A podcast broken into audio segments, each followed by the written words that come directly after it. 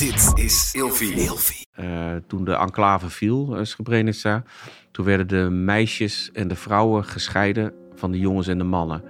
Hè, dus de Serven die hadden bussen geregeld en de vrouwen en de meisjes die moesten uit de enclave gebracht worden met bussen. Uh, nou ja, Nederlandse militairen die kregen de opdracht daarbij te helpen.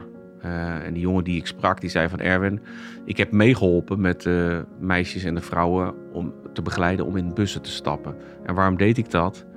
Uit mijn opvatting over wat menselijk waardig is. Want ik wilde niet dat ze geslagen zouden worden. Ik wilde niet dat ze getrapt zouden worden. Hij zegt, ik heb met dat eer en geweten heb ik dat gedaan. Maar toen ik terugkwam in Nederland, toen kreeg ik een heel ander verhaal te horen. Want toen werd er tegen mij gezegd dat ik mee had geholpen aan een genocide. Dus mijn beeld, hè, ik dacht dat ik stond voor het goede, voor het rechtvaardige, kantelde in één moment. Niet omdat ik anders naar mezelf was gaan kijken, maar doordat ik hoorde van buiten, hè, vanuit de pers bijvoorbeeld, vanuit de media, uh, dat ik mee had geholpen aan een genocide. Hij zei, nou dat heeft me zo eigenlijk een schuldgevoel opgeleverd, hè, want dan praten we vaak over schuld en schaamte, dat ik het lastig vind om daarmee om te gaan.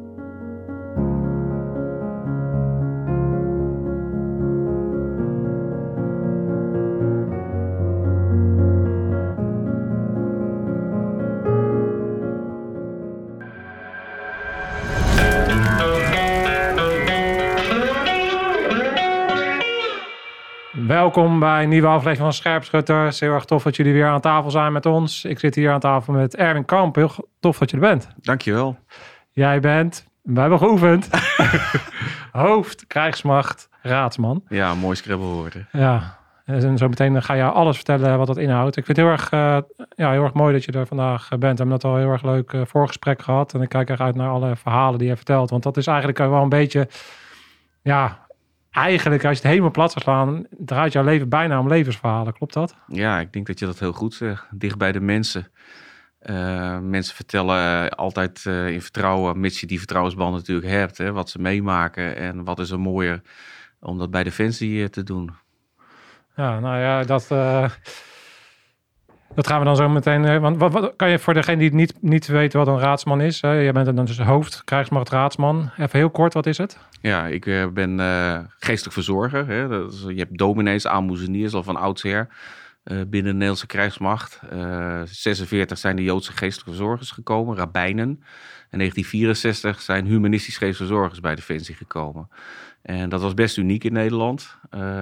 sterker nog op heel de wereld want je had nergens in de wereld had je geestelijke zorgers die uitgingen van alleen de mens. dus alle geestelijke zorgers tot op dan toe, dat waren vooral mensen die gingen uit van een hogere macht. Uh, maar goed, humanisten zeggen ook altijd: je kunt uh, los van uh, een levensbeschouwing en een geloof in God. Ieder mens heeft levensvragen, of je nou gelovig bent of niet. dus wij doen eigenlijk hetzelfde werk als dominees en aalmoezeniers binnen Defensie. de scheepsbezorgers hebben drie taken. Eh, als ik eh, dat goed beschouw, dat zijn individuele gesprekken voeren met militairen en veteranen en een thuisgrond. Uh, bezinningsmomenten. Dominees en aalmoezeniers doen kerkdienst op de zondag en wij doen bezinningsmomenten. En we geven commandanten gevraagd en ongevraagd advies. Ja, ja, zoals ik het ervaren heb, was het uh, de zondag. Of er zijn vaak die momentjes met muziek, wat heel fijn is. En waar gewoon eventjes uh, een soort rustmomentje in een vaak hele hectische periode in je leven. Of op een missie is, of, of, tijdens een training of dat soort dingen. En het zijn vaak mensen natuurlijk die gewoon een soort van er zijn. Waarop je gewoon even naartoe kan gaan om een praatje te maken. En, ja, en, die gewoon een soort van mengen in het geheel. En er zijn, maar niet echt een operationele functie hebben. Waardoor ze gewoon overal een beetje zo'n soort van ja, kunnen polsen wat er, wat er leeft en uh, kunnen kijken waar ze kunnen ondersteunen.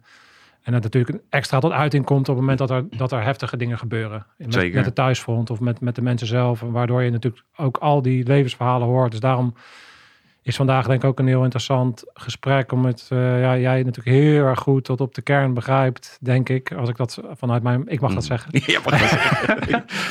heel erg vanuit de kern begrijpt hoe bijvoorbeeld een korps mariniers werkt. En wat er belangrijk is. En hoe mensen, uh, mariniers en, en, maar ook andere militairen, want je werkt natuurlijk voor verschillende onderdelen, uh, in elkaar zitten. Ja. dus dat, uh, dat is heel tof. Ja, het motto is wij gaan waar militairen gaan. Hè? Dus we zijn niet alleen op de kazerne in Nederland maar ook met uitzendingen naar het buitenland of oefeningen. Daar vind je altijd geestelijke zorgers. En nou ja, als je zelf de om hebt gedaan, Dan heb je waarschijnlijk ook wel met uh, GV'ers te maken gehad. Uh, maar ook bij latere inzet. Ja, eigenlijk, eh, eigenlijk in alle fases van, van, van, je, van, je, van mijn carrière in ieder geval uh, ben ik uh, ja, mensen tegengekomen in die hoedanigheid. Fred Omvleeg is ook eentje oh, die ja. me altijd is bijgebleven ja, omdat hij heel erg muziek was. Ja, nee, zeker. Dat is, dat is fijn om te horen. Want ja, nogmaals, wij zijn geen militair. Hè. Wij zijn, hebben gelijk gewoon een burgeraanstelling. Maar we begrijpen wel vanuit ja, zeg maar de, de plaatsingen. Wij doen ook een opleiding. Ik ben zelf bijvoorbeeld naar het KIM geweest. Ja. Uh, doen uh, op de NLDA die uh, specialistenopleiding. Hè, dus je, ja, je stroomt in vanuit de studie theologie, filosofie of in mijn geval humanistiek. En dan leer je natuurlijk ook het militaire bedrijf van binnenuit kennen, zodat je ook wel een beetje weet hoe je je moet begeven binnen een militaire organisatie. Ja, nou, snap ik. Want ik hoorde ook al dat we veel, veel kennissen hebben die we ja. Ehm, gemeenschappelijke kennis hebben. Dus dat is wel hartstikke leuk.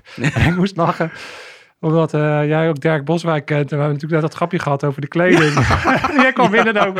Ja. ik moest heel hard lachen. Ik zo, je, je, moet niet denken dat ik nu eh, geen respect voor jou heb. Want, uh, want nee. elke keer als ik in een t-shirt denk, uh, zit, dan denken mensen, dan kan, kan ik me voorstellen dat je denkt, nou, voor mij geen jasje aangedaan. Nee, nee ik dacht eigenlijk, doe mijn buffalo aan. Want dat, dat, dan hebben we het meeste contact. Maar ik dacht, laten we maar gewoon doen zoals we zijn. Ja. Dat is het beste. Ja, dat is toch mooi. Ja, maar dat, dat, dat is ook wel natuurlijk ook wel jouw hetgeen wat jij doet, is de tradities en de kleding en uh, dingen heeft ook wel een bepaalde rol. Hè? Hoe, kijk, hoe kijk jij daarnaar, naar, uh, naar kleding en naar, naar tradities? Hoe, hoe is dat voor jou belang, van belang? Nou ja, juist denk ik binnen Defensie staat natuurlijk bol van, van tradities en rituelen. nou ja, we hadden het net al even in het voorgesprek over bijvoorbeeld rond moral injury. Uh, een morele verwonding die mensen op kunnen lopen door een inzet. Uh, en daar is denk ik juist heel erg het gebruik van rituelen van belang. dat onderkennen we nog te weinig. Ik zeg altijd, mijn werk bij Defensie begeeft zich eigenlijk in een soort driehoek. dat gaat over humanisme, zingeving en geestelijke zorging. Nou, ik ben zelf rond 2013, 2014 op het spoor van een morele verwonding gekomen. En een van de grondleggers van dat principe, van die gedachte over morele verwonding, Jonathan Shea. Uh, die heb ik zelf opgezocht. Uh, ja, ik heb er ook een ja, boekje over geschreven. Kijk, want volgens mij hier zo... Um, dit is een boek wat jij hebt Samen met anderen, waar Tine, Tine Molendijk ook nog een hoofdstuk in geschreven heeft. Um, ik merk alleen als het gaat om ja, van het omgaan met zo'n morele verwonding. Voor mij is het niet een ziekte. Ik denk dat los van defensie, dat uh, alle mensen een morele verwonding op kunnen lopen. Dat kun je ook als burger. Ik denk aan de politie, waar ik uh, niet zo lang geleden ook een voorlichting voor gegeven heb. Maar belangrijk is juist dat we het uit een medisch model houden. want ja, een psychiater of psycholoog die gaat gelijk therapieën toepassen. overigens blijkt uit onderzoek dat nou, iets meer dan 50% van therapieën maar aanslaan. Die andere 50% die werkt niet. Dus dan kan je vraag stellen, stellen wij wel de juiste vraag of de diagnose? En een van de dingen, denk ik, waar geestelijke zorgers juist heel goed in zijn, dat is het toepassen van rituelen. Uh, en gebruik maken van die tradities. Hè. Dat zien we bijvoorbeeld bij dodenherdenking uh, ieder jaar. Uh, ook binnen de marine hebben we dat bijvoorbeeld in mei, hè, waar alle mensen worden herdacht die het jaar ervoor zijn overleden. En ik denk dat dat hele belangrijke momenten zijn in mensen hun leven. Eh, om een gebeurtenis ook een plaats te geven in hun leven. Ja, ik vergelijk het denk ik een beetje met op het moment dat je eigenlijk een morele injury hebt of in zo'n fase van je leven zit waarin dingen moeilijker zijn. Dan kunnen dat soort rituelen natuurlijk een bepaalde houvast geven en een bepaalde structuur. En dat is uiteindelijk ook altijd wel weer nodig om een soort van, ja, om je ergens aan vast te houden op een gegeven moment. En dan eh, kan het op die manier alleen al helpen. Ja, nou ja, wij zijn heel talig. Hè? We zitten hier nu met elkaar te praten. Dus we denken dat we heel veel in woorden uit kunnen drukken. Uh, terwijl ik juist van mening ben, uh, je kent de uitdrukking wel, een beeld zegt meer dan duizend woorden. Soms zijn woorden, die schieten soms ook tekort. En dat zie je bijvoorbeeld bij overlijden. Uh, en ik denk dat daarom ook het werken met beelden of met rituelen heel belangrijk is. En dat we daar nog ook wel winst kunnen boeken als het gaat om het helpen van, van veteranen of militairen. Bijvoorbeeld met het maken van kunst. En wat mij enorm geholpen heeft, bijvoorbeeld met mijn eigen uitzendingen. Uh, en dat is het mooie van geestelijke zorgen zijn. Hè, dat je midden in de militaire maatschappij staat. Dus uh, ook een van de mensen bent. Is bijvoorbeeld uh, schrijven. Hè. Ik vond het ontzettend fijn om de gebeurtenissen die ik had, om die ook van me af te schrijven. Zodat ik ook een plaatsje in mijn leven kon geven. Eh, dat is wat mij enorm geholpen heeft. Ja, en, dat, en, dat, en, dat, en zie je ook dat dat andere... Adviseer je dat dan ook? Dat andere mensen dat ook doen bijvoorbeeld? Ja, soms wel. Ik, Ja. ik denk niet dat iedereen dat in zich heeft. Hè. Dat moet je ook leren, eh, dingen opschrijven. Eh, maar dat begon bij mij in ieder geval in eh, het schrijven van een brief aan, aan huis. Hè, dus aan mijn vrouw. En ik denk, door het schrijven vertel je zelf ook een verhaal. Zet je het op papier. Ben je eigenlijk al met een stukje verwerking bezig. Dat kan dus ook zijn als je een, eh, een kunstwerk maakt. Hè, bijvoorbeeld iets in, eh, met graffiti kunst. Ik heb een collega die eh, begeleidt veteranen met het maken van graffiti schilderijen. Eh, ja, dat is dan weer een andere vorm van uitdrukking geven aan je ervaringen dan het op papier zetten. Ja, ja is, ook, ehm, is ook een stukje aansluiting vinden natuurlijk bij. En, en iedereen heeft een andere uiting. Ik heb ook wel eens met, ehm, een gesprek gehad waarbij dat, met name ook therapie werd gebruikt. Eh, veel meer door gebruik te maken van andere technieken dan praten. Omdat Mhm. praten natuurlijk vaak ingewikkeld is. Ja, En ook niet, niet eh, je, je kan dan daar ook niet bij komen. Terwijl het vaak in bewegingen, of, in, of het nou s- sporten of dansen of eh, eh, kunst maken is. Er zijn natuurlijk andere vormen waarop je in ieder geval een soort van in beweging komt. Waarop je aansluiting kan vinden. Of eh, in ieder geval een haakje kan vinden om weer contact te maken. Of het nou met jezelf is of met een ander. ja. Nou, ik vond het heel eh, mooi eh, toen ik bij het Corps begon, eh, begon ik bij de EVO. En ik zag ook dat in de tijd, ik zie dat jij ook tatoeages hebt. Ja, Maar ook heel veel jonge mariniers dan ook een, of een tatoeage nemen. En vaak is dat voor hen ook wel een manier van ja, een soort identiteitsontwikkelen, uitdrukken. Hè, van dit ben ik. Het was overigens ook een keer heel pijnlijk dat ik een jongen had die twee weken voor de Finex een eh, tatoeage liet zetten. En die uiteindelijk uitviel. Dus dan loop je wel je hele leven rond met het eh korpslogo zonder dat je er echt bij hoort.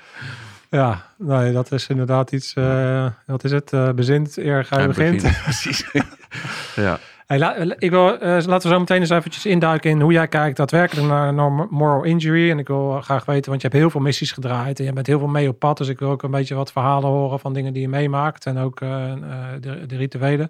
Maar voordat we daarmee starten, even terug naar van hoe word je nou hoofd, krijgsmacht, eh, raadsman? Heel goed. En, eh, dus dus eh, neem ons even mee terug eh, naar wie ben je eigenlijk? Waar kom jij vandaan? En wat Ja. voor gezin kom jij? En hoe, hoe heb jij deze roeping eh, invulling gegeven? Ja, mooie vraag. Want je stelt aan al die gasten die vragen. eh, Het is eigenlijk van, ja, hoe ben je gekomen op het pad waar je nu eh, loopt? Eh, Het is bij mij best wel een lang pad eh, geweest. Eh, ik ben geboren getogen in Zeist. Kom uit een gezin eh, met een jonge zusje, vader, moeder. Ik ben ook in Zeist naar eh lagere school, basisschool geweest. Eh, en eh, dat is misschien wel mooi om te vertellen. Ik zat op een school in de jaren zeventig. Dat was een Jena-planschool. En ik weet niet of je wel eens van het onderwijs van Jena... Vrienden zeggen altijd, Erwin, het is bij jou een plan gebleven. maar dat was vooral een, eh, een school, dat was ook een beetje experimenteel onderwijs... waarin je heel veel van jongs af aan al eigen verantwoordelijkheid werd bijgebracht. Nou ja, mijn dochter zit op Montessori. Is Daar dat lijkt het veel op, ja. En ik herinner bijvoorbeeld, dat is nu groep 8, dat was toen klas 6... Hè, dat we een kaartenbak hadden. En eh er waren, dan moest je per week een rekenopdracht doen. Eh, maar naast die opdrachten stond ook een bak met antwoorden. Dus ja, wat deed Erwin? Die was een beetje stout. Dus ik pakte de eh, bak met vragen en eh, de bak met antwoorden. Maar er was, ja, ik kon die verantwoordelijkheid niet aan. Ik schreef dat eigenlijk één op één over. Nou, ja, wat krijg je aan het einde van de basisschool? Een CITO-test. Ja, ik, ik was nog te slecht voor de LTS. Dus ik, dat was niet echt een eh, succes. Dus uiteindelijk ben ik begonnen met de LEO. En van de LEO ben ik doorgegaan naar de MEO. Eh, uiteindelijk heb ik HBO gedaan. Eh, en ik had een docent, en dat vond ik wel mooi op de LEO. Die zei altijd tegen me, Erwin, de aanhouden wint. Hè, dus je moet vooral, wat er ook gebeurt, je best blijven doen. En ik denk dat het ergens rond de leeftijd van 14, 15 die knop wel omgegaan is. Dat ik, kan me herinneren als kind wel in bed lag van ik moet nu mijn best gaan doen. Want anders wordt het nooit wat eh, met je. ik heb overigens ook nog op een blauwe maandag wel gedacht, ik wil marinier worden. Oh, dus, ja. eh, dat is ook een vorm van zingeving, eh, denk ik. Maar ik denk dat ik fysiek daar eh, onvoldoende toe in, eh, in staat was. Dus eh, uiteindelijk heb ik eh, de Universiteit voor Humanistiek gedaan.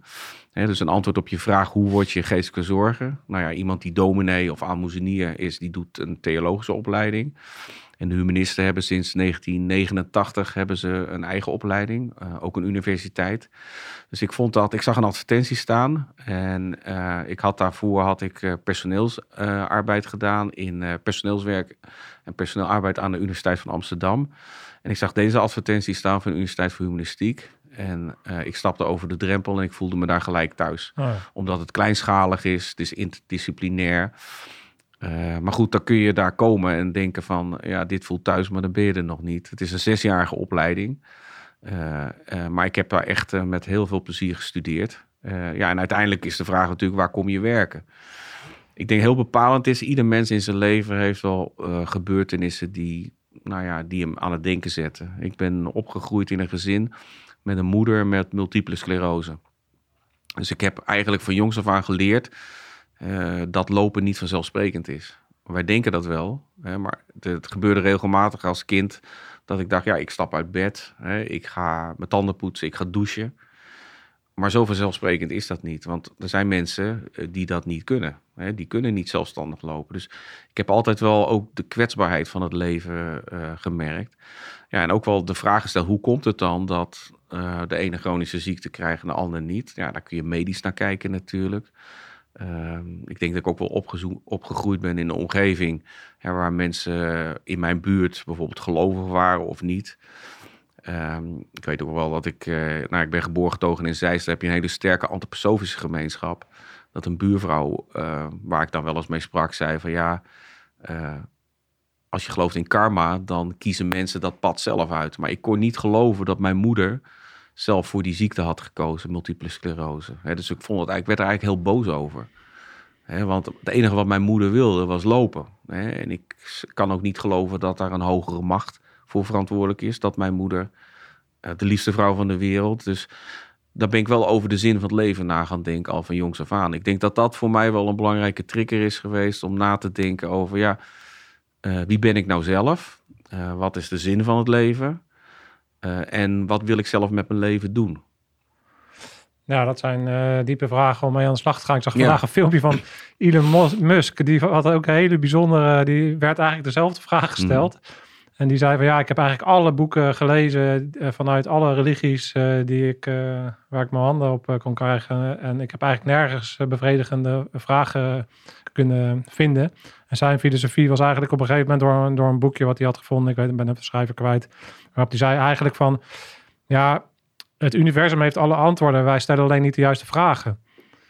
Toen dacht ik, oh ja. Mooi. Ja, dat vond ik toch wel... Uh, Mooi. Dat vond ik een hele mooie. En waar, waarbij zijn visie dan is, ja, wij zijn eigenlijk zo beperkt op aarde... Uh, waardoor we nooit de juiste vragen kunnen stellen uh, om de antwoorden te vinden in het universum. Dus wij, daarom is zijn drive zo groot om multi-planeet te gaan en, en zijn drive zo groot om um, de artificial uh, intelligence en zo te, gaan combineren. Om te dan meer denkkracht krijgen om uiteindelijk die, die goede vragen te stellen. Ja, nou ja, je, je moet in ieder geval, denk ik, iedere. Ik denk het heel wezenlijk is dat ieder mens ook wel de vraag stelt: wie ben ik? Ja. Hè? Nou, dat is, wie, wie, ben ik zelf? Dat is de eerste die vraag. vraag stel fundament, je ook. Ja, ook, bij, ook bij onze module over presteren onder druk. Precies. Dan denken mensen van, oh, presteren onder druk en dit en dat. Maar ja, het begint allemaal bij de wezenlijke vraag, wie ben ik? Ja, waar kom ik vandaan? Ja. En waar ga ik naartoe? En wat zijn mijn waarden? Want dat vind ik ook wel interessant.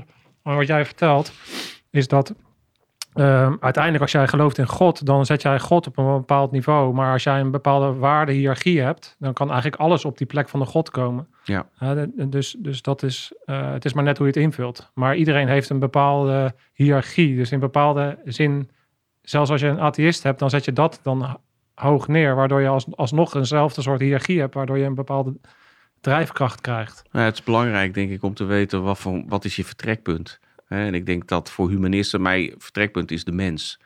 Uh, ik heb overigens bij mezelf ook wel gemerkt dat ik soms een karikatuur maak van God. Uh, en ik dat bij mijn collega's gelukkig helemaal niet zie. Uh, ik ben daar ook wel anders over gaan denken. Denk milder. Hoe, hoe leg dat eens uit, wat bedoel je? Nou ja, ik, ik noemde net me, bijvoorbeeld de situatie rond mijn moeder. dan kan je zeggen, ja, als er een God is, uh, hè, dan vroeger zou ik gedacht hebben, als ik zou, dat zou geloven, dan kan hij mijn moeder ook beter maken bijvoorbeeld. Of voorkomen dat mijn moeder ziek was geworden. maar dat is natuurlijk een hele simplistische opvatting van wat als een God almachtig is. eh, ja, dan zou die bergen kunnen verzetten. Hè? Dan kan die ook, zou die ook mijn moeder beter kunnen maken. Maar zou je hem ook verantwoordelijk kunnen houden voor het feit dat, hij, dat mijn moeder gehandicapt is geraakt. Maar ik merk dat dat een hele simpele opvatting is. Hè? Dus als ik met collega's vanuit de geestelijke verzorging, almoezeniers, dominees, rabbijnen daarover praat. In de loop der jaren ben ik daar natuurlijk veel genuanceerder over gaan denken. Uh, maar het grote verschil is wel dat ik denk van ja, mijn vertrekpunt is de mens. ik vond het net mooi wat je zei over Elon Musk, uh, die alle levensbeschouwingen, religies heeft onderzocht. Nou, als je dat doet, dan vind je in al die levensbeschouwingen en religies eigenlijk twee vragen die in al die religies naar voren. Hoe komen wij aan kennis? Hoe kunnen wij dingen weten? Hoe kunnen wij dingen als mensen weten? En waar komen waarden en normen vandaan? Ik gebruik dit voorbeeld altijd om ook uit te leggen van wat nou het verschil is tussen humanisme en christendom. als je vraagt van hoe kunnen wij dingen weten, kennis. Ja, ik ben iemand die gelooft heel erg in wetenschap, in onderzoek, eh, in proefondervindelijk uh, ontdekken. ik denk dat daarom vanuit de natuurkunde en scheikunde we zo ver zijn gekomen. Uh, dan zou een christen misschien zeggen, dat geloof ik ook. Alleen ik heb ook nog zoiets van een openbaring of een visioen. En mensen kunnen visioenen hebben, waardoor ze inzichten, nou ja, zeg maar krijgen. Dan zeg ik, nou, dat is mooi, maar dat is voor mij geen geldige kennis. Want dat vind ik heel particulier. Dus ik ga vooral uit van een wetenschappelijke kijk. En hetzelfde geldt over waarden en normen. Je, je zegt terecht, we staan op een soort fundament. En dan is het denk ik belangrijk om te weten waar jij je waarden en normen in fundeert. Uh, ik denk dat er zelfs een voorchristelijke tijd is geweest. Hè. We, hadden, zijn oermensen geweest. En die oermensen hadden in mijn optiek ook waarden en normen. Gericht op het overleven. Ja.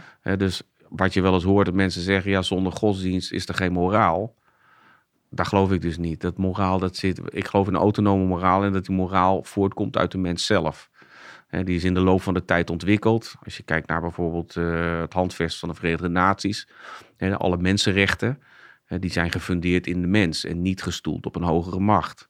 En dat, dat zie ik eh, in de samenleving als een stuk ontwikkeling.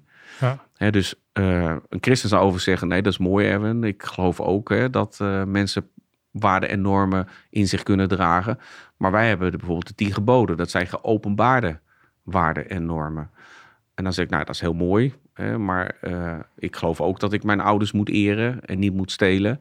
Maar ik kan het denk ik zonder die tien geboden. Uh, omdat ik als mens, als autonoom wezen, daar zelf over na wil denken. En ook in een traditie sta. In een historie waarin mensen hierover nagedacht hebben. Ja, ja nee, dat, uh, dat klinkt ook iets waarin ik me, mezelf zou kunnen verbinden. Mm -hmm. Qua gedachtegoed. Kijk, als ik het een beetje zo, zo plat sla, want dan... Kijk, als jij dokter wordt, dan leer jij iets. Mm -hmm op school. En vervolgens kan je jouw waarden uh, vanuit die kennis uh, toepassen, omdat je dan dus mensen die ziek zijn kan helpen. Als je kijkt naar de, de, de, de jaren dat jij geïnvesteerd hebt om na te denken over die vraag. En, zo, en dat ook hebt gegoten in dus een, een daadwerkelijke studie. Um, en je zou dat dan een soort van. ja, wat is dan de waarde die jij toevoegt? Want um, zoals ik het dan zie, is ja, je, dat, dat, dat zit hem in het feit dat jij dus een bepaalde uh, visie hebt onderzocht bij jezelf. Uh, met verschillende wetenschap, met, met de religie, met allerlei stromingen, met filosofie, met, uh, met an andere wetenschappelijke stromingen, waardoor jouw kijk op het leven eigenlijk zo dusdanig gegrond is, waardoor je dus ook vanuit die positie mensen de juiste vragen kan stellen. Ja, ik denk dat dat wel klopt. Ik, ik weet ook niet of er een God wel of niet bestaat. Ik denk het meest aannemelijke voor mij is uh, dat hij er niet is. Uh, ik denk ook niet dat daar ooit een antwoord, echt een fundamenteel antwoord op gaat komen. Ehm, maar ik denk wel doordat je bepaalde inzichten, hè, doordat je, ik zeg al, als alles staat en valt met zelfreflectie. Hè, Dus je, ik denk dat het van waarde is om zelf over dit soort vragen na te denken en je dat ook ja, weerbaarder maakt of krachtiger maakt uh, uh, in uh, wie jij als mens wil zijn. Hè, dus ook bijvoorbeeld de hele discussie over dat, nou ja, over moral injury. Dat kun je enerzijds kun je dat vanuit de wetenschappelijke manier benaderen. en met allerlei therapieën. Ik beschouw het vooral op een levensbeschouwelijke manier. Dat is meer een holistische visie. Hè, een van de kritiekpunten bijvoorbeeld die Jonathan Shea had. Wij gaan heel erg uit altijd van brain en mind. Hè, dus alles wat, ja, wat wij, en nogmaals, we zitten hier te praten, we zijn veel aan het denken. Maar er is misschien veel meer dan dat, dan alleen maar brain en mind. Hè. De vraag die mij wel eens gesteld is, dat vond ik wel hele mooi. Heb je een lichaam of ben je een lichaam? Moet je maar eens over na. Heb je een lichaam of ben je een lichaam? Ja, volgens de taal alleen eh, hebben we een lichaam. Dus het is logischer natuurlijk dat je dus een, eh, een lichaam hebt. Ja. En, en dat je die op die manier eh, ja, kan inzetten als het ware. Maar vaak wordt dat te onderscheiden met geest. Hè? Dus Ja. als, je, als je zegt ik ben een lichaam, dan uh, ik denk dat je geest gezetteld is in wie jij bent. Uh, ik heb het wel eens vergeleken met uh, een menselijk lichaam, uh, een mens met een kaars. Waarbij je het kaarsje kan zien als de ziel. Hè? Dus het vlammetje wat brandt, dat is de ziel. En de kaars zelf is het menselijk lichaam. Ja, als dat kaarsje op is, dan is die warmte van die vlam die is verdwenen in uh, de omgeving en de kaars uh, zelf is gedoofd, die is op. Hè, dus ik denk ook uh, dat er niet een leven is na dit leven. dus het is niet gescheiden van elkaar, lichaam en geest. Ik denk dat je geest huisvest in je lichaam. En als je komt te overlijden, eh, ja, dan is dat het einde. Waar dus ja, zeg maar een groot verschil is met hoe christelijke mensen denken. Ja,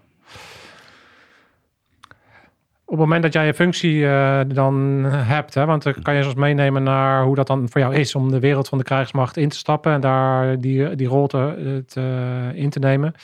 Daarin is het natuurlijk, hoe, hoe zit jij daar dan in ook, zeg maar, in de zin van, je moet, wil natuurlijk eigenlijk met iedereen kunnen, kunnen praten. Dus op het moment dat je te stellig bent in hoe jij denkt, dan kan het zomaar zijn dat een christen bijvoorbeeld dan, een christelijke militair misschien denkt, nou ja, ik kan daar niet zoveel mee.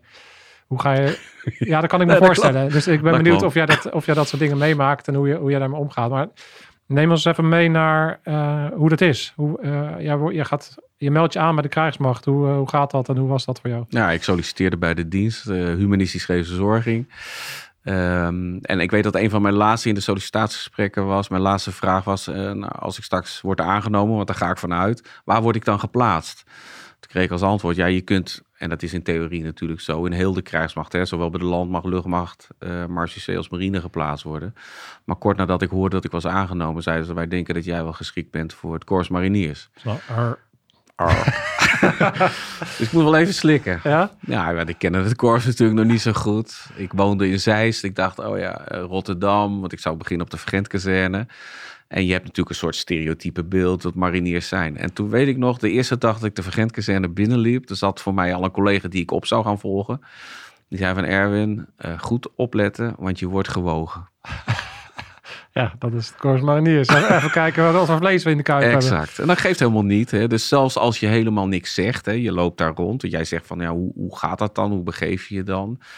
Nou, ik denk dat ik vooral iemand ben die vooral vragen stelt. Hè. Dus eh, oren en ogen open. eh, en vooral wil leren. Hè. Kijken, ik heb eh, nog steeds contact eh, met een eh, oud marinier eh, officier... waar ik eh, eigenlijk een vriendschap mee heb ontwikkeld. Piet van der Nol. Dus, eh, hij was destijds kapitein van de mariniers. En hij was zo goed om mij ja, mee te nemen, te begeleiden, dingen uit te leggen bijvoorbeeld. Eh, en dat vond ik fantastisch, want ik, ja, ik stond natuurlijk in het beginstadium. Dus wat weet je van het, eh, van het korps? Ja. Eh, maar vooral goed opletten. Hè? Dus eh, wat ik dan deed, met name in Rotterdam, is mee op bivak gaan. Hè, met die jongens. eh bivak verdediging, bivak aanval. eh, met de Finex meegelopen. En nou, dan merk je wel, als je dan ook meeloopt, eh, dat mensen je vraag stellen, Erwin. En dat is ook een beetje om te kijken hoe je reageert. Vind je dit nou normaal wat wij doen? Bijvoorbeeld. Dus dan ontstaan vaak hele mooie eh, gesprekken.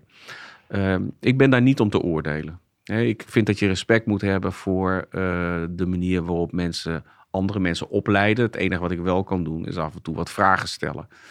Eh, en ik merk, ja, er moet natuurlijk een soort vorm van acceptatie komen. Ik zei net al voor het interview, voor mij is heel belangrijk. Ik praat ook met mensen als het goed met ze gaat. En vaak denk je, je gaat naar een geestelijke zorger, een dominee aalmoezenier of een humanist als er wat aan de hand is. Is niet aan de orde. Want ik denk dat 80, 90 procent van mijn werk bestaat uit rondlopen. Een praatje pot. Hè? Dus eh, bij de jongens die eh, de opleidingsroosters maken, binnenlopen. eh, meehelpen bijvoorbeeld in het kombuis, aan boord met schepen en met varen.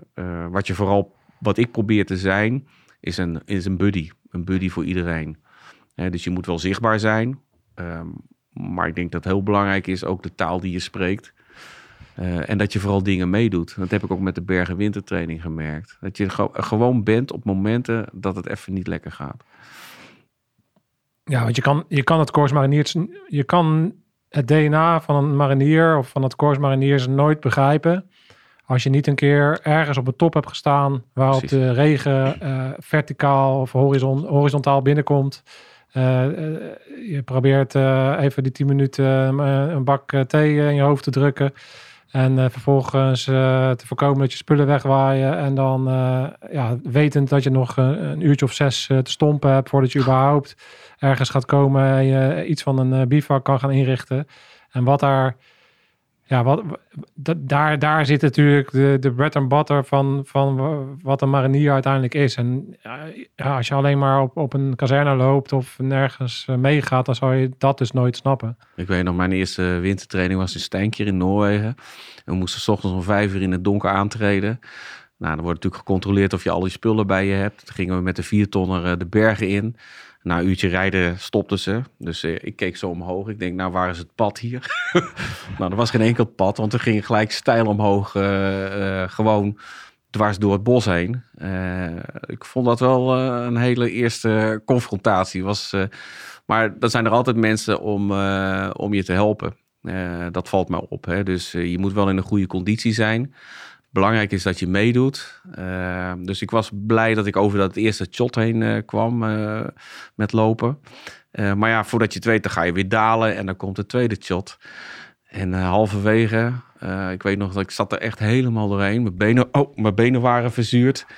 En toen kwam zo'n marinier vrolijk voorbij en die zei... Hey, raadsman, heeft u nog raad? Dus dat was wel een beetje een plagerijtje. Maar daar is onder andere dit boekje, eh, heb ik daarover oh, ja, dat is geschreven. titel ook. eh, van, eh, Raadsman, heeft u nog raad? Dus eh, ik denk dat het vooral zo is dat je, nou ja, zeker respect moet hebben voor eh, over en weer. Dus vanuit het korps voor met name het fysieke, eh, wat zij kunnen leveren. En eh, ik kan ondersteunen bij het geestelijke proces van mensen. En achteraf, als je dan na een paar dagen weer met de bus terug naar de kazerne gaat, dan hoor je zo, als je in de bus zit, dat mensen zeggen, ja, het is toch wel mooi dat je meedoet, dat je er bent. En dat is het allerbelangrijkste. Zonder pretentie er zijn. Ik denk dat dat uiteindelijk het verschil maakt of iemand die ergens mee zit of die erg eh, die behoefte heeft om even dat contact of die vraag eh, of die ruimte bij jou in te nemen, eh, ja, om daar over dat soort dingen te hebben. Dan gaat het erom dat je daar dat, even, dat contact hebt gemaakt, dat hij jou eventjes een beetje een tikje kon geven op het moment dat jij er doorheen zat. Maar ondertussen, wat hij daarmee eigenlijk doet, is ook een stukje respect tonen van hey, ik zie dat je er bent. Een goede zaak dat je er bent. En eh, gewoon rammen met je kadaver. En eh, als we straks terug zijn, eh, ja, dan hebben we, hebben we samen weer een mooi ding gedeeld eigenlijk. En dat is, dat is wat mariniers doen. Zeker. En, en dat is ook wat het verschil maakt. Ik, e- een van mijn allerbelangrijkste lessen die ik in Afghanistan bijvoorbeeld geleerd heb, is dat op het moment dat het echt om leven en dood ging, en dan denken vaak mensen aan vuurgevechten, maar bij mij ging dat op, op een moment eigenlijk op een, op een eh, forward operating base, waarop een van mijn Afghaanse soldaten naar me toe kwam. We gaan nu eh, de Nederland, een van die Nederlanders doodschieten, want ze hebben ons uitgelachen bij het bidden. Dat de enige reden dat ik dat eigenlijk heb kunnen managen, is omdat ik die periode voor dat incident elke dag, ik, ik had mijzelf voorgenomen, als er mensen, als Afghanen de poort uit gaan, dan ben ik erbij. Mhm. Dus ook, al- ik heb ook wel eens dat ik eh diarree had en ziek was, eh, maar ik ging gewoon altijd mee. En op dat moment waar het dan om gaat en je het verschil kan maken, de enige reden dat ik dat kon, was omdat zij respect voor mij hadden, omdat ik altijd mee was gegaan. Dus je, ja, dat is een beetje hetzelfde eigenlijk van wat je, eh, hoe dat bij jou werkt. Is op het moment dat zij zien van, hé, hey, ook als het, als, als het kut is, is, is hij erbij. Precies. Dus dan op het moment dat het goed is, kunnen we een praatje maken. En op het moment dat we elkaar nodig hebben, dan zijn we er ook voor elkaar. Ja, dat is het vertrouwen. En Ja. dat is ook vaak natuurlijk wat je bij veteranen hoort. En waarom er zoveel verschil is met de burgersamenleving. Hè? Omdat je dus in situaties zit, als het erop aankomt, dat je op elkaar kunt rekenen. Eh, ja, dat is niet te beschrijven eigenlijk. Dat is heel moeilijk om dat ook in een boek op te schrijven. Dus, eh, maar dat is precies dat gevoel wat je, wat je noemt. En eh, het Corps Mariniers draait natuurlijk eh, om, ook om humor. Hoe, eh, Ja, Hoe, hoe kijk jij daarnaar, naar de functie, naar de functie van humor? En hoe, hoe, ja, enorm belangrijk. Waarom? Het is ook ontlading. Ik kan me herinneren dat ik met UNME mee was. Afrika, Ethiopië, Eritrea. En nou, het was denk ik drie kwart van de uitzending dat we hoorden dat toen nog prins Willem van Oranje op bezoek zou komen. Willem-Alexander. En één ding waar we niet over mochten praten, dat het werd genoemd, dat was eh, Maxima. Het woord Maxima mocht niet vallen. Nou ja, dan moet je het korps hebben. Dus eh, nu de koning, toen de prins, die kwam op bezoek. Ja, die slaapt natuurlijk niet bij ons eh, in, in de tent. Dus daar hadden ze een aparte tent voor neergezet. En er was een marinier, die was zo slim geweest. Die had uit de story had een fotootje geknipt van Maxima. En naast zijn bed neergezet. Dus ja, we praten niet over Maxima. maar dat bedoel ik. Dat zijn van... En dit is maar heel iets kleins. ja. Ja, maar eh, ja, het is o zo belangrijk om zeker op momenten nou ja, dat het spannend wordt. Ook een soort ontlading, hè, dat je ja, die humor gebruikt. Ik weet dat geestelijke verzorgers soms ook wel een aanleiding zijn voor humor. Eh, ik heb bijvoorbeeld eh, een verhaal gehoord, daar was ik zelf niet bij, maar eh christenen die zeggen nog wel eens vanuit de Bijbel dat je over water kan lopen. Ze hebben ooit een uh, dominee van Almoezenier onder een helikopter gehangen. En zijn ze over de zee gaan vliegen. Dus toen mocht hij over zee gaan lopen. Nou ja, dat soort dingen, dat is, ja, daar moet je voor openstaan. Moet je voor openstaan, ja. ja, maar dat zijn Ja. wel de leuke dingen in het leven. Ja, dat, dat, dat, kijk, het- dat is wel mooi, want eigenlijk is jouw werk is eigenlijk verhalen, levensverhalen. Maar als je kijkt naar wat, wat, wat, eh, wat de korpsgeest is, zoals we dat noemen. Iemand, ja, dat is echt zo'n een dingetje. Wat, wat, wat is dan het ongrijpbare van de korpsgeest? Dat draait eigenlijk om alle an- anekdotes en alle domme dingen die, je- die, je- die je samen doet. En eh, grapjes die eruit gehaald worden. En eh, ja, dat gaat, dat gaat heel ver natuurlijk in allerlei dingen. Maar ook, het, he- het heeft allerlei functies. Dus, eh, zwarte humor, en daar kunnen we het zo meteen ook over, hebben, hoe, wat dat dan eh, wat dat inhoudt. Maar bijvoorbeeld ook als je dan een les hebt. ehm, een les rantsoen. En dan, eh, weet je, het is natuurlijk, je moet het ook maar, je moet het allemaal maar een beetje leuk maken. Want je zit ergens op een shot, ergens in de kou. En het is soms natuurlijk helemaal niet echt, echt leuk of zo. Dus hoe, hoe maak je dat dan leuk? Dan krijg je dus een les eh, van mariniers. En dan krijg je dus een les over een rantsoen. Nou ja, dat is natuurlijk is, is, is niet heel veel more boring dan een les over een rantsoen. Ja, toch? Ja. Maar dat, eh, zij kunnen dat, dat er zo gaan maken dat, dat het iets is wat ik voor de rest van mijn leven eh, dus nu nog steeds kan herinneren hoe die les was. Weet je, dan is er zo'n rantsoen. En op een gegeven moment, eh, nou, dan zit dan dus dit in. En dan haalt, haal- haalden ze dus dingen uit het rantsoen, uit zo'n doosje.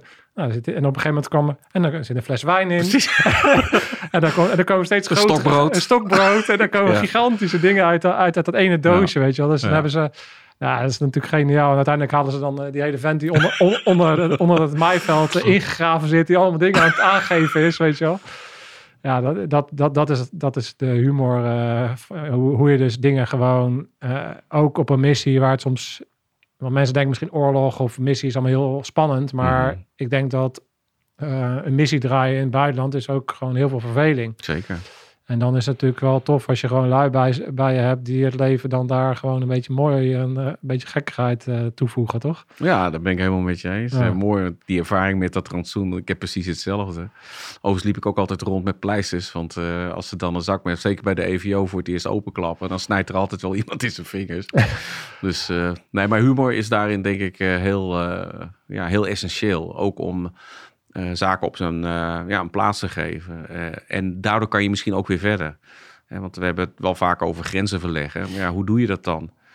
Dus ik denk juist als je fysiek er doorheen zit en je maakt een relativerende opmerking, worden dingen soms ook weer wat beter te dragen. Ja. Ja. Ja, dat, dat, dat is het. Ik kan me nog herinneren dat je dan aan het lopen bent in de potom of zo. En dan al twee nachten niet, gewoon niet geslapen.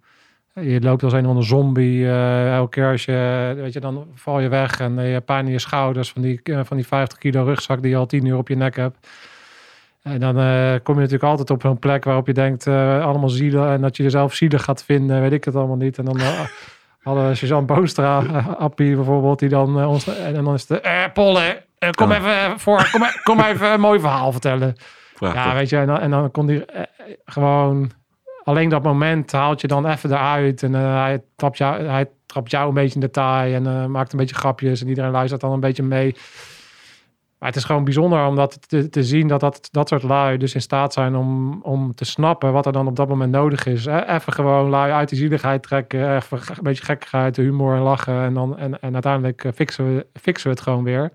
En denk je van, hoe heb ik dat in godsnaam voor elkaar gekregen om daar doorheen te gaan? Nou, ja. Nou, door dat, toch een beetje hulp van elkaar en, en de humor. Je moet dat begrijpen, ook als geestelijke. Want het zijn meestal wel serieuze mensen natuurlijk. Hoorde ik een verhaal, mijn voorganger, die was een keer mee met de bergtraining. Het zat uh, achterin uh, de viertonner. En uh, dat is nu een bekende marinier, ik zal niet zijn naam noemen. Maar die, op een gegeven moment zaten ze met z'n tweeën. En die begon heel serieus te praten naar mijn collega. Dan zegt hij, raadsman, raadsman, moet u wat vertellen? Ik heb een coming out. Dus die uh, Raasman die zat heel aandachtig te luisteren. Die dacht, uh, nu komt het. Hij zegt, uh, ik, ik heb contactlenzen. Dus in plaats van dat hij dacht van, nou gaat er iets komen over zijn seksuele voorkeur. Ja. Dus ja, die Raasman die begreep dat niet helemaal. Maar dat was zijn manier om te kijken van hoe die Raasman zou reageren daarop. Hè. Dus dat zit hem om allerlei lagen. Dus ja, ja, ja dus je wordt continu gewogen. Precies. ja. Hey, en ehm, ja, de zwarte humor, die is, heeft natuurlijk de functie ook om dingen die echt zwaar... Kijk, we hebben het dan over fysiek afzien en dat is natuurlijk uh, een dingetje, een, een, een, onderdeel van marinier zijn. Maar uiteindelijk uh, gebeuren er natuurlijk ook vervelende dingen. Op het moment dat je op missie bent, kunnen er dingen in het missiegebied zelf gebeuren. Ik heb dat zelf meegemaakt natuurlijk. Ik ben ook een keer draagploegcommandant geweest van Mark, uh, die toen gesneuveld is en die we de laatste eer hebben kunnen geven. Um, dat soort dingen gebeuren. En er gebeuren natuurlijk ook vaak dingen met het thuisfront. Op het moment dat je op missiegebied bent. Waardoor ook mensen dan daar zitten met alle frustraties uh, die erbij komen kijken. Op het moment dat je dan dus daar machteloos bent en daar thuis uh, heftige dingen gebeuren bijvoorbeeld. En uh, neem eens mee van hoe, hoe gaat dat op het moment dat je dus in zo'n setting bent, op, op, op, een missie en er gebeuren dingen. Hoe, wat gebeurt er dan? En kan je het soms delen over iets over verhalen en dingen die je dan meemaakt? Ja, ik heb uh, één overlijden gehad uh, met uh, de missie in Afrika, toen met UNME. Dat was overigens niet een schietincident of zo. Maar er was iemand die stond te wachten op de heli en die keek er een acute hartstilstand. Ehm, het bijzondere was dat hij was uitgezonden samen met zijn zoon op dezelfde, was vader en zoon mee op missie. Um, nou ja, wat gebeurt er dan? in eerste instantie proberen ze die persoon te reanimeren. Dat is niet gelukt. Dus de commandant kwam toen mijn tent binnen uh, gestormd van Erwin, we hebben een, uh, een overlijden. Uh, en dat was dan zeg maar ook begin van de missie eigenlijk de eerste keer dat je nog goed moet uitzoeken wat precies de procedures en de protocollen zijn. Ja, het gekke is dat je dan moet denken bijvoorbeeld de marechaussee, die de overlijden moet vaststellen. maar het bijzondere was dat ik de zoon heb opgevangen en drie dagen lang, want je bent ook niet zomaar thuis, met de zoon moest doorbrengen op de compound. Uh, je wordt niet gelijk naar huis gevlogen. Ehm, en nou ja, dat leverde hele intensieve gesprekken op. Uh, uiteindelijk uh, zijn we naar Nederland teruggegaan. En de zoon had gevraagd van Erwin... ja, ik heb met jou al een vertrouwensband opgebouwd. Ik wil eigenlijk dat je met me meegaat. Hè? Want ja, zijn moeder was thuis achtergebleven ehm, en weduwe geworden. Dus ja, ik dacht wat moet ik nou doen? want ik ben er eigenlijk voor de mensen op de missie. Gelukkig waren er overigens nog twee andere geestverzorgers mee. En toen vroeg ik aan de commandant, ik zeg van uh, de wens is van de zoon dat ik meega met het stoffelijk overschot zijn vader terug naar Nederland. Uh, om hem ook daarin te begeleiden. Nou, uh, het eerste antwoord was van ja, je hebt hier taak, je moet hier blijven. Ehm, ik zei nou ja, het, het, is zijn wens. Hè. hij wil dat ik meega. en dan kan ik het verhaal vertellen aan eh, zijn moeder, eh, dus de partner die achterblijft. En uiteindelijk uh, zei van, nou Erwin, ik zeg, het is niet dat ik het wil, maar het is dat hij het vraagt. heeft hij dat goed gevonden? Ik heb de ramp-ceremonie gedaan in, voordat de vliegtuigen ingingen. De uitvaart in Nederland. Ja, wat het dan is, je moet wel heel snel schakelen. Want je hebt ook weer je werk in het uitzendgebied. Dus ik heb het toen overgedragen aan een collega GV'er. Ehm, het lastige was dat uh, de zoon zijn vader had beloofd. Hij was toen nog, uh, uh, zeg maar, marinier 1, dat hij ook graag door wilde als onderofficier. Dus hij had een soort belofte gedaan al van zijn vader, niet weten dat zijn vader zou komen te overlijden. Nou ja, zie dat dan ook maar eens te worden. Hè. Dat ligt ook wel een bepaalde druk eh, op iemand. Nou ja, dat zijn hele heftige situaties. Dit was weliswaar niet tijdens een schietincident. Uh, maar er zijn natuurlijk situaties dat in die zin blijft overlijden, overlijden. maar het is wel goed dat je dan iemand kan steunen. en die contacten die blijven vaak jaren voortduren. En is bijvoorbeeld nog steeds, ik heb nog steeds contact met een marinier waarvan zijn dochter is overleden.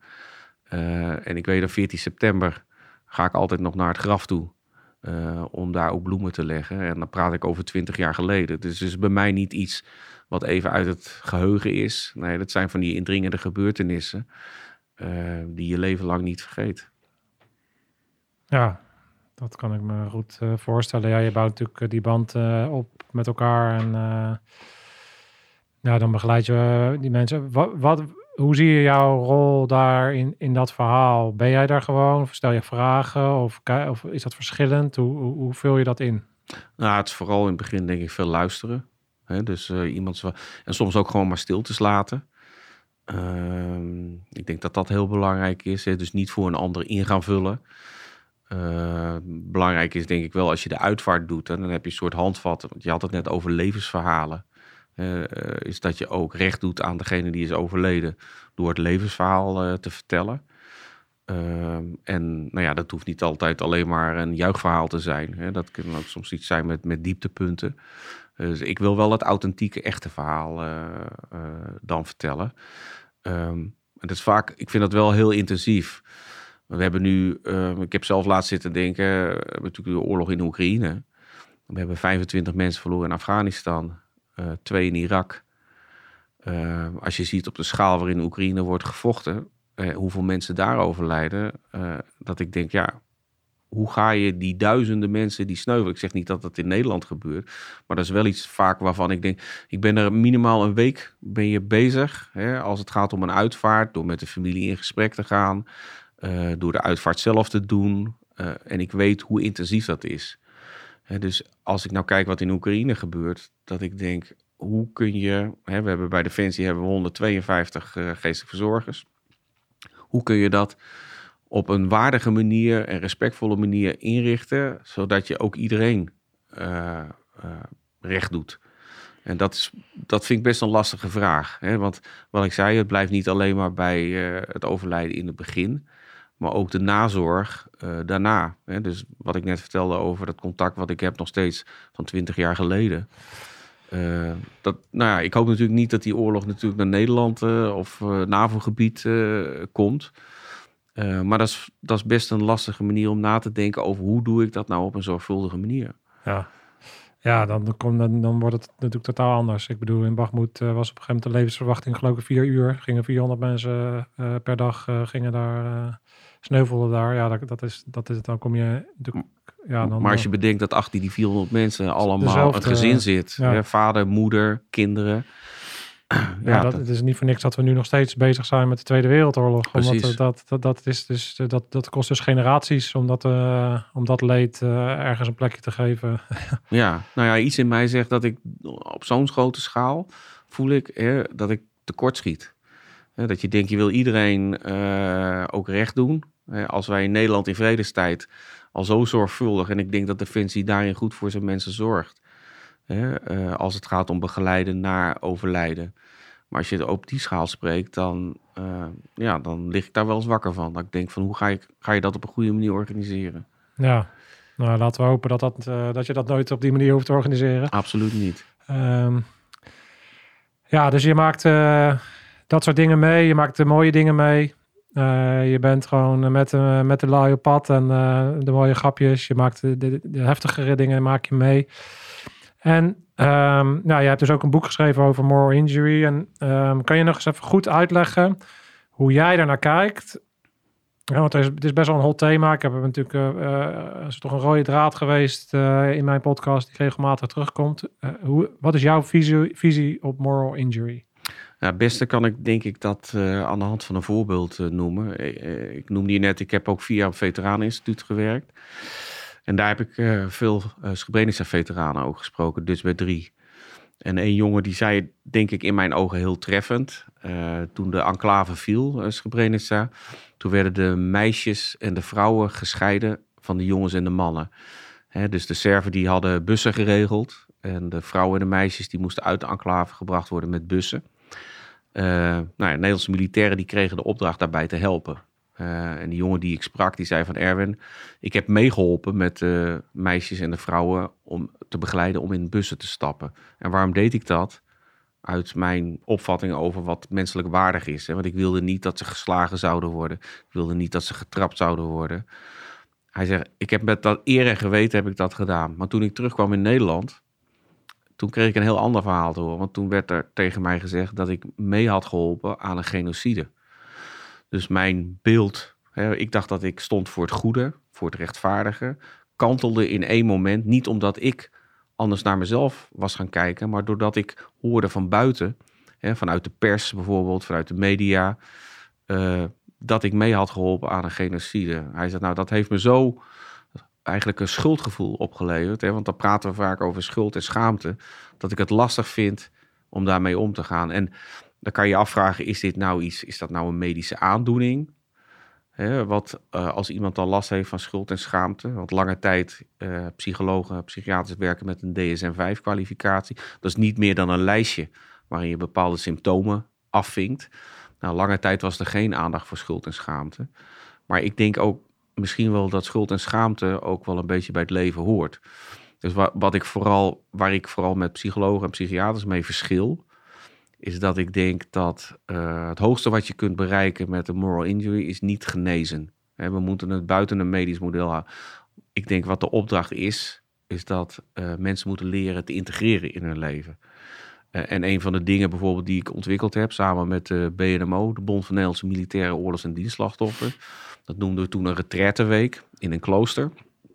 En alles wat, wat niet evidence-based is, hè, want psychiaters en psychologen praten vaak over uh, het moet evidence-based zijn en je moet volgens protocollen moet je handelen. Alles wat niet evidence-based is, pasten wij toe in die retraiteweek. En dan moet je denken aan yoga, aan stiltewandelingen, aan horse coaching, uh, aan mandala's tekenen. Uh, aan het einde van die week, dan vroeg ik de mensen van wat heb je daaraan gehad? En dan hoor je dat mensen zeggen, nou, ik heb eindelijk meer zicht gekregen op waar ik aan uh, waar ik last van heb. Maar ook heb ik geleerd om het beter te leren integreren in mijn leven. Dus ik, uh, ik waak er eigenlijk voor. En dat is best wel lastig. want als je PTSS hebt hè, en je wordt geïnitieerd, dan kun je een MIP krijgen, een militair invaliditeitspensioen. Dus daar staat een financiële vergoeding tegenover. Ja, dat heb je bij moral injury niet. dus toen ik op Veteraneninstituut werkte, toen ja, keek ik ook altijd naar de debatten in de Tweede Kamer. En dan werd er wel eens een vraag gesteld uh, door een Tweede Kamerlid van uh, minister, hoe staat het nu met, uh, met het onderzoek naar moral injury en hebben we daar al een sluitende regeling voor? Ja, dan wist Defensie het eigenlijk ook niet zo goed. ja, dus ik ben niet van de politiek, ik hoef dat niet te besluiten, maar ik vind wel, en gelukkig is dat de laatste tijd meer gekomen, dat er meer aandacht moet zijn voor morele verwonding onder veteranen. Uh, maar daar moeten we denk ik wel mee door blijven gaan, want we zijn er nog niet. Er zijn ook best wel mensen die zijn, nou ja, door wat ze hebben meegemaakt bij Defensie wantrouwig. Ja, dus ik heb een keer een veteraan gehad die zei van ja, Erwin, ik ben geïndiceerd op PTSS. Maar als ik kijk naar wat er onder moral injury wordt verstaan, dan heb ik helemaal geen PTSS. Uh, en andersom gebeurt het dus ook. Hè, dat mensen uh, niet het label PTSS krijgen, maar geïndiceerd worden met moral injury. Maar die krijgen dan geen financiële vergoeding. Hè, dus ik denk dat het gesprek daarover uh, in ieder geval gaande moet blijven. En dat we daar wel ook een soort maatwerk moeten toepassen, ook in het bieden van de juiste zorg. Ja, dat maakt het allemaal ingewikkeld. Het is al ingewikkeld genoeg. Ja überhaupt. En dan ja. krijg je nog die laag van de financiële en de erkenning en de, de gevolgen eigenlijk van, van zo'n uh, diagnose die daar omheen hangt. Dat, dat is natuurlijk een hele ingewikkelde puzzel, zeker in een organisatie zo groot als uh, Defensie. Als je het even naar, naar de menselijke kant trekt, dan ben ik het heel erg eens met... Uh, dat is ook de filosofie die ik samen met Erik Heijn aanhang in de dingen die wij proberen aan te leren vanuit het presteren onder druk is heel erg de dingen de, wel gewoon er te laten zijn. Dus waar, waar wij heel erg op zitten is emoties en gedachten. Uh, en daar een, bepaalde scheiding brengen tussen ik, ik ben mijn gedachten en mijn emoties of ik heb ze. Een beetje hetzelfde wat je zei over je Mhm. lichaam. Hè. Dus door die scheiding daarin aan te brengen, Mhm. kan, je, kan je veel meer ook de dingen er laten zijn. Zo ben ik ook helemaal geen voorstander van eh, positieve gedachten proberen te, te bevorderen en zo. Bij mij werkt dat niet. En, ik, en, ik, en gek genoeg is mijn grootste creatiekracht zit hem vaak juist in best wel negatieve gedachten. En is dat dan slecht? Mhm. Ja, ik vind van niet zelf. Mhm. Want ik denk dat daar juist een enorme kracht in zit. Het is wel belangrijk om daarnaar te kijken. Eh, waar, waar zit dat dan? En waarom is dat dan ne- negatief of zo? Je kan daar wel weer allerlei dingen uithalen. Maar als je dat gaat labelen als iets dat er niet mag zijn, dan, Mhm. wordt het alleen, dan, dan druk je eigenlijk een bal onder water die uiteindelijk ergens toch naar boven komt. En Exact. hetzelfde eh, is natuurlijk met, met, met, met, zo'n gebeurtenis. Eh, ja, het gaat niet meer helemaal weg. Want je zult altijd in een soort gevecht zitten met je normen en waarden, waar we het ook al eerder hebben gehad. Jouw normen en waarden komen niet overeen met de dingen die je hebt gedaan. En daar moet je, je moet dat, je moet dat verhaal kloppend krijgen. Natuurlijk van, nee, ik heb daar mensen in die bus gebracht. En hoe kan je dat verhaal... Ten eerste zit dat bij mij vaak in het feit dat eh, praten helpt Mhm. Om het verhaal kloppend te krijgen. Mhm. Maar dan heb je, nog, eh, dan heb je alleen maar een soort van de ratio kant gehad. En dan moet je Mhm. nog op, een- op, een, op een gevoelslaag eh, ook een stuk vrede zien te vinden. En dat kan je alleen maar vinden in het, ja, in, in het, het er laten zijn en afstand nemen van, eh, ja, van een stukje van die emoties. Waardoor je ook het oordeel kan zien wat er dan in je hoofd gebeurt. En, en, en daar dan ook weer kan, en daar een soort verzachting in kan vinden. En dat gaat dan niet weg. Dus dan, als je dat dan ziet met, dan zie je het als een soort eh, eh, litteken. En eh, dan is het iets wat blijft, maar wel iets waar je gewoon meer mee kan leven. Ja, nou, het is mooi dat je dat zo zegt, want ik denk dat dat ook zo is. Hè. Ik noemde net Jonathan Shea, die een van de founding fathers of dat moral injury concept. En toen ik bij hem wegging, zei hij, Erwin, je hebt nou een week met me meegelopen. Je moet één ding onthouden. Je kan alles vergeten, maar waar het eigenlijk op gaat is purifying. Dus in goed Amerikaans, je moet eigenlijk in het soort in het reinen komen met wat je hebt ondervonden, wat je bent ondergaan. En zelf wil ik nog wel iets verder gaan. Ik denk dat je ook moreel kunt groeien. Door de ervaring die jij hebt, daar, je, geeft trainingen, kun je ook andere mensen daarin begeleiden. Kijk, voor Moral Injury is denk ik vooral nu ook een stukje psycho-educatie. Dat mensen het leren herkennen. Dus niet alleen eh, curatief achteraf, maar ook vooraf. Wat kun je eraan doen om het te voorkomen? Hè, ik denk dat daarom die vormingsbijeenkomsten op Beukbergen bijvoorbeeld van belang zijn. Eh, maar ook zeker achteraf. Eh, en dat is nog één ding waar we het net eerder over hadden. Dat is het toepassen van die rituelen. Eh, ik heb een collega, eh, humanistisch raadsman, is uitgezonden geweest naar Afghanistan. En ik denk dat driekwart op zijn eh, uitzending, eh, hij was bij de ziekenboeg, kregen ze een melding dat er een Amerikaanse militair was doodgeschoten. En hij kreeg het verzoek om mee te gaan om die militair te gaan bergen. Dus ze stappen in de zouw, eh, in de ambulance en ze rijden naar de plek toe waar die Amerikaan is doodgeschoten. En toen kreeg hij de vraag van een van de verpleegkundigen van, eh, wil je even helpen om hem eh, op te tillen en in eh, de bodybag te leggen? Dus mijn collega humanistisch raadsman die pakt die eh, doodgeschoten militair eh, achter bij zijn nek, bij zijn hoofd. En die merkt ineens dat het nog warm is en vloeibaar en dat hij bloed aan zijn handen heeft. Hij had weliswaar handschoenen aan. Maar ja, dat had hij niet verwacht. Dus daar schrok hij enorm van. Hij legt eh, het stoffelijk overschot in de bodybag en ze gaan terug naar de compound. Maar hij blijft in zijn hoofd maar denken aan het bloed wat hij aan zijn handen heeft zitten, letterlijk. Eh, gaat douchen op de compound, handschoenen haalt hij er lang uit, wil het van zich afwassen, maar krijgt het niet uit zijn hoofd. Maakt de uitzending af, komt terug in Nederland en merkt dat dat beeld van dat bloed maar steeds in zijn hoofd blijft zitten. Eh, meldt zich bij de MGGZ, de Militaire Geestelijke Gezondheidszorg. En heeft geloof ik tien therapieën gehad, eh, bijeenkomsten. Het wordt wat draaglijker, maar uiteindelijk heeft hij daar altijd last van gehouden. Totdat een collega op het idee komt. En die zegt tegen eh, die humanistisch geestverzorger, die zegt van, heb je ooit bedacht om de, eh, de weduwe op te zoeken van de overleden militair? Maar ja, hoe kom je daarachter? Hè, van, dus die Amerikaanse militair die was doodgeschoten. Nou, met veel zoekwerk komen ze uiteindelijk die eh, weduwe tegen. Ze besluiten naar contact naar haar toe te gaan. En om een lang verhaal kort te maken, uiteindelijk gaan ze naar het graf van haar overleden man. Hè, dus die militair die mijn collega heeft geborgen. En vanuit het niets vraagt die vrouw in één keer: eh, strek je armen en je handen. En ze strijkt er overheen met haar handen. En terwijl hij dat doet, zegt ze: geef het bloed van mijn man terug. En opeens voelde mijn collega een soort verlichting. Hè? Dus het was een soort zelfbedacht ritueel op die plek. Hè? Dus doordat zij met haar handen over zijn armen en handen waar dat bloed aan had gezeten streek, voelde hij in één keer een soort verlichting. Had hij niet meer last van een soort schuldgevoel. Ehm, en hij heeft mij ooit gezegd, eigenlijk heeft dat ene ritueel mij zoveel meer geholpen dan die tien bijeenkomsten die ik had bij de MGGZ. En dat het voor mij nu draaglijk is. Nou ja, dat is denk ik een voorbeeld. Het klinkt een beetje hocus pocus. En nogmaals, ik, maar ik vind het altijd wel een heel mooi voorbeeld dat ik denk, dit soort eigen tijdse rituelen, eh, dat kan mensen los van woorden eh, ook helpen en te ervoor te zorgen dat iets wat je overkomt, dat dat een plaats krijgt in je leven.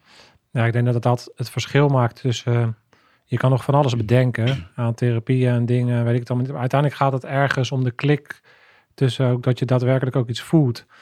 En ik denk op het moment dat je zo'n dat, dat zo'n moment is, zeg maar, als je het hebt over het verhaal kloppend maken, mm dan is dan, daar zit dan voor hem op dat moment de afronding. Exact. Uh, waardoor het een soort van, nou ja, het is, ik kan het nu loslaten. En, en, vaak heb je dan, je hebt, je hebt een soort van die cirkel weer nodig om dat dan rond te maken in je hoofd. En of, en daar moet, maar dan moet je wel met ratio en met gevoel kunnen doen. Mhm. En, en, op dat moment voelde hij dat, denk ik gewoon. En dan krijg je gewoon ja, die heling eigenlijk die je dan op dat moment nodig hebt. Juist. Dus dat, uh, ja, dat, is een mooi, uh, mooi verhaal om dat aan de voeten te geven. Ja, ja. Uh, ja zoiets leer je niet uit een boekje. Nee. een van de dingen die ik ook nog gedaan, ik heb een boekje geschreven, dat was in 2014 na de missie omdat ik merkte dat binnen Defensie er wel heel veel wordt gedaan. Hè. Voordat je op missie gaat, krijg je missiegerichte opleiding. Uh, het thuisgrond krijgt bijvoorbeeld uh, een handleiding mee met allerlei telefoonnummers en adressen waar je naartoe kan bellen. Uh, maar in mijn tijd werd er bijvoorbeeld niks gezegd over een uitzendcyclus. Hè, door welke fase je heen gaat. Je gaat zelf als marinier of militair door een uitzendcyclus. Maar dat geldt ook voor thuis. Ja. Dus wat ik geprobeerd heb, sommigen zeggen het zou eigenlijk niet na de missie moeten heten, maar voor de missie. Ja, ja, ja maar ook uh, in ieder geval iets op schrift stellen. En het gaat ook in over moral injury. Dat mensen vooraf zich goed beseffen uh, wat ze mee kunnen maken. Ik zeg niet dat alles wat gebeurt. dit is ook wel vooral geschreven vanuit mijn eigen ervaring. Maar wel om mensen toe te rusten. wat gebeurt er nou als je op uitzending gaat? Ja. En dat het ook een hele mooie, verrijkende ervaring kan zijn. Het is ja. weliswaar spannend voor veel mensen. Maar ik denk ook uh, van al de missies die ik gedra gedraaid heb, dat ik daar wel sterker en beter uitgekomen ben. Ja. En een andere kijk op het leven heb gekregen. Het begin soms ook wel moeilijk was om te landen, hè, weer uh, thuis in Doorn. Uh, maar als ik er nu op terugkijk, dan, ja, dan had ik het eigenlijk niet willen missen. En het vormt uiteindelijk de mens die je bent. Dat dragen we allemaal met ons mee. En dat heb jij ook natuurlijk met je uitzendingen en missies die je hebt gedraaid. Ja, 100%. Ik denk dat, dat, eh, dat je dat mooi zegt en dat, uh, daar sluit ik me ook helemaal bij aan. Ja, ik zou het niet, ik heb het niet willen missen. Ik heb uh, mooie ervaringen, heftige dingen meegemaakt, mooie dingen meegemaakt. En uiteindelijk uh, ja, heeft me dat heel veel geleerd en heb ik daar nu nog steeds profijt van. Mhm. Van het feit dat je die ervaring hebt opgedaan. Mm en ik denk dat een stukje kennis, hè, wat je in het, een boekje over tips en tools met thuisfront en dat soort dingen, het is een stukje kennis, het is een stukje ervaring, het is een stukje gewoon ondergaan. En uh, leren dat je daar dan ook alweer een weg mee vindt uh, voorwaarts. Want uh, ja, volgens mij heb jij dat motto ook, er is altijd een weg voorwaarts. ja, het is alleen een kwestie van om de puzzel op te lossen. Precies. Dus ja, mooi. Mooi gezegd. En ehm, ja, dankjewel voor, jou, voor je bijdrage. Ik, ik, uh, ja, ik vind het altijd eh, interessant om uh, te horen wat jullie meemaken. Omdat jullie ook op een wat andere laag eigenlijk meekijken dan alleen maar de, de acties of weet je, het wat echt over het leven gaat. Dus vond het bijzonder met jou even in gesprek te, te gaan. En ik hoop dat mensen daardoor ook weer meer inzicht krijgen in wat je doet. En als ze dan een keer in aanraking komen met, dat ja, maakt er vooral gebruik van. Ja. Uh, Nou. Maken een praatje. eh, en ook in goede tijden. Hoeft niet alleen maar als er iets dramatisch gebeurt. Maar Nee. ook, eh, ja, eh, maak een grap. En, eh, en eh, blijf eh, die mannen vooral wegen. Want dat, eh, dat hoort er ook gewoon een beetje bij. Nou, nou, dat is wat je zegt. Eh, mijn motto is, ik praat ook met mensen als het goed met ze gaat. Eh, ik wil overigens hier wel van de mogelijkheid gebruik maken om jou te bedanken voor de mooie podcast eh, die je maakt. Want in mijn omgeving hoor ik eh, daar hele positieve geluiden over. Dat mag ook wel eens gezegd worden. Ik denk van, eh, dat is fantastisch werk, eh, Mark. Dankjewel. En eh, nou, ik heb twee cadeautjes meegenomen voor oh, je. kijk, zo. Dus, gek, gek van. Ik zag al eerder in de uitzendingen schildjes hangen. Ah, kijk. Dus ik wil je in ieder geval dat schildje van mijn dienst geven. Eentje voor de, voor de collectie. Dus, oh ja, dat, is, dat, dat het, blijft, als je het hebt over rituelen, dat blijft, dat blijft toch ook wel een mooi ding. Hè, van Nou ja, precies. Kijk, dit is het schildje. Geweldig, dankjewel. Ja, alsjeblieft. En er is nog een mooi ritueel. De challenge coin. Oh ja, Ik heb eh challenge coin van de dienst laten maken. oh wauw. Nou ja, binnen Ja. Defensie denk ik ook wel een gebruikelijk iets. Er zit overigens wel een mooi verhaal aan vast als het gaat om rituelen. Als het nog even mag, maar. Ja, zeker. Want veel mensen het weten niet zo goed waar het vandaan komt, de challenge coin. Hè. Er zijn verschillende eh, verhalen, lezingen over. Eh, maar het verhaal wat ik hoorde vond ik wel heel mooi. Dat er een eh, Amerikaanse vlieger die in de Eerste Wereldoorlog op Harvard zat.